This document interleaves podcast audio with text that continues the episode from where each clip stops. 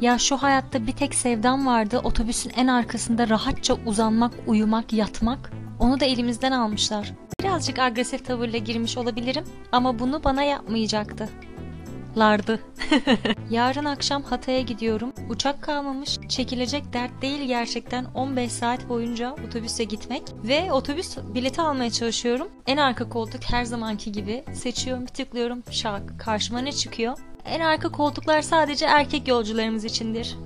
Hemen bunun nedenlerini araştırmaya başladım ama düzgün bir yanıt bulamadım. Yani neden olabilir diye düşünüyorum. Muhtemelen en arka koltukta kadın oturursa ve diğer e, koridorun diğer tarafındaki de bir erkekse kadının başına bir şeyler gelebilir mantığıyla yapmış. Uzun yolculuklarda insanların inecekleri noktalara göre bir sıraya koysalar tamam anlaşılabilir. Erkekle kadını yan yana oturtmayabilirler tamam o da bir nevi anlaşılabilir ama bu son nokta bence. Otobüs firmalarındaki cinsiyetçilik şikayetlerine baktığımda da değişik değişik başka başka şeyler görüyorum. Biri demiş ki bir yakınıma Adıyaman Adana'dan otobüs bileti almak için internet sitelerine girdim. İstediğim koltuğu seçtiğimde bu otobüste boş bayan yanı sayısı en fazla 2 olabilmektedir. Bu ne demek? Biri de şey demiş İzmir'den Manisa'ya ilk defa seyahat ettiğimden dolayı Bornova kavşağında bekleyen otobüsün dışında duran muavine veya görevi ne olduğunu anlamadığım insana nereye gidiyor otobüs dedikten sonra malum şahsın ilk Akisar'a daha sonra alaycı bir üslupla ne yazıyor otobüste görmüyor musun şeklinde sorularına muhatap kaldım. Daha sonra sen nereye gideceksin sorusundan Manisa cevabını verdikten sonra tekrar Akisar'a gidiyor demesi üzerine bekledim. Daha sonradan malum şahıslara tekrar sorduğumda Manisa'ya gidiyor cevabını aldım. Benden önce aynı soruyu soran bir kadına olması gerektiği gibi cevap veren malum şahıslar neden cinsiyet ayrımı yapıp bir diğer müşterisi olan başka bir kişiye dalga geçer gibi cevap bekliyor. Tek derdim bu olsun. Zaten artık ikram verilmiyor. Sadece su veriliyor ki kısa yolculuklarda su bile verilmiyor. Resmen huzurumu elimden almışlar gibi hissediyorum. Ki aldılar da. Acaba sadece arka koltuklarda mı oluyor taciz? Bilemiyorum. Mesela ben bundan 5-6 sene önce falan yine İzmir-Antalya arasında otobüse binmiştim. Arka koltukta oturuyordum ve uyuyordum. Gözümü bir ara bir açtım. Bir baktım yanımda muavin oturuyor. Bana bakıyor ve elimi tutmaya çalışıyor. Ne yapıyorsun diye sorduğumda nerelisin, adın ne, kaç yaşındasın gibi sorularla karşılaşıyorum. Şu an kimse böyle bir şey yapamaz ama o zaman ben lise 3 falandım. Çok da küçük değilmişim ama yine de küçüktüm yani. Galiba insan taciz göre göre bu konuda sesini çıkartmaya başlıyor. Çünkü daha küçükken de e, otobüste olsun, dolmuşta olsun, konserde olsun. Yani sürekli elli ve sözlü tacize uğradık. Ama hiç de dönüp sen ne yapıyorsun ve diyecek cesareti kendimizde bulamadık. Sen ne olduğunu anlamıyorsun. Hiç utanmaman gereken bir şey olmasına rağmen bir utanma duygusu hissediyorsun ve insanların ortasında karşındaki insana bağıramıyorsun. O anda öyle bir durumdu benim için. Yani şu anda yapsa onu neyse bu konuları çok fazla uzatmayacağım. Annem dinliyor kalkıp muavini bulmaya falan çalışır. Konuşmak istediğim konu da bu değildi. Bir anda daldım işte. Ben kendisiyle çok fazla çelişen bir insanım. Kendi içimde o kadar çok tartışıyorum ki eminim bütün herkes böyle yapıyordur ama ben mesela belli bir görüş ortaya sunuyorum kendi kendime.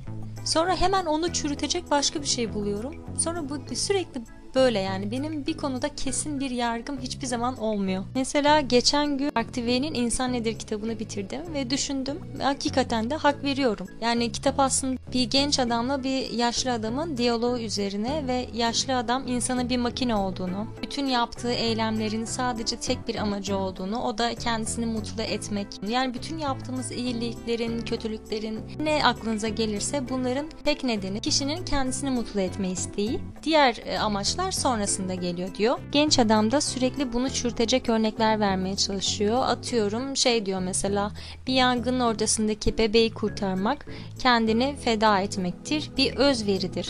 Yaşlı adam da buna karşılık olarak diyor ki hayır diyor bu özveriden çok kişinin kendini düşünmesidir. Eğer o bebeği kurtarmasaydın bundan sonra mutsuz bir insan olacağın için kendini mutlu etmek adına aslında bunu yapıyorsun gibi bir şey söylüyor. Ben birazcık karmaşık anlattım ama anlamışsındır diye düşünüyorum. Bunu okudum ve gerçekten evet yani bu zamana kadar yaptığımız iyilikleri her şeyi düşündüğümüzde aslında ilk baştaki amacın hep kendimizi mutlu etmek olduğunu görüyoruz. Bunu biliyoruz. Daha sonra şöyle düşündüm. Evet, kendimizi de düşünsek, başkasını da düşünsek, neyi düşünürsek düşünelim yaptığımız şey değişmiyor sonuçta. Bir şeyi kabullenmek birazcık zor olabiliyor ama öyle yani biz bencil yaratıklarız. Yapmak mı önemlidir, niçin yaptığın mı önemlidir? Sonuçta iyilikse bu, iyilik yapmış oluyorsun. Yani burada amacın çok da bir anlamı kalmıyor gibi bir şey oluyor. Tabii herkesin iyilik anlayışı da farklıdır. İyilikle doğruluğu da birbirine karıştırmamak gerekiyor çünkü doğrular da değişebilir sonuçta. Benim doğrumla senin doğrun aynı olmayabilir. Yani sana kalkıp da şey demiyorum.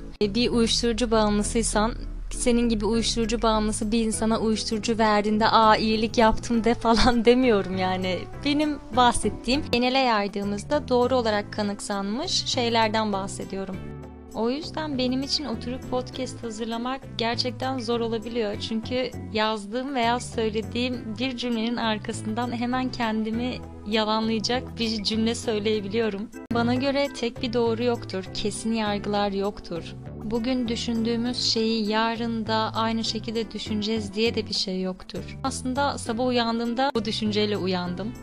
Her zamanki gibi müzikali açmıştım. Artık duşta, kahvaltıda, akşam yemeğinde, yatarken, kalkarken sürekli beynimde dönüyor. Sabah da aslında yaşlılık evresindeki Sony dinliyordum. Bir arkadaşımla o bölüm hakkında yaptığımız bir konuşma geldi aklıma. Bir arkadaşım dediğimde Büke.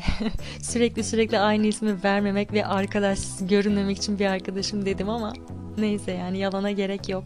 O bana şey demişti. Ben çocuk istemiyorum çocuk sevmiyorum. Yaşlandığımda bu gençliğimi aktarabileceğim bir çocuğum olmayacak. Yani benim için hayat bundan ibaret değil gibi bir şey söylemişti bana. Gayet anlaşılabilir bir düşünce ama ya pişman olursa? Çünkü zamanı tutamıyorsun, zamanı geriye döndüremiyorsun ve ben e, uzun bir zamandır bundan korkuyorum aslında.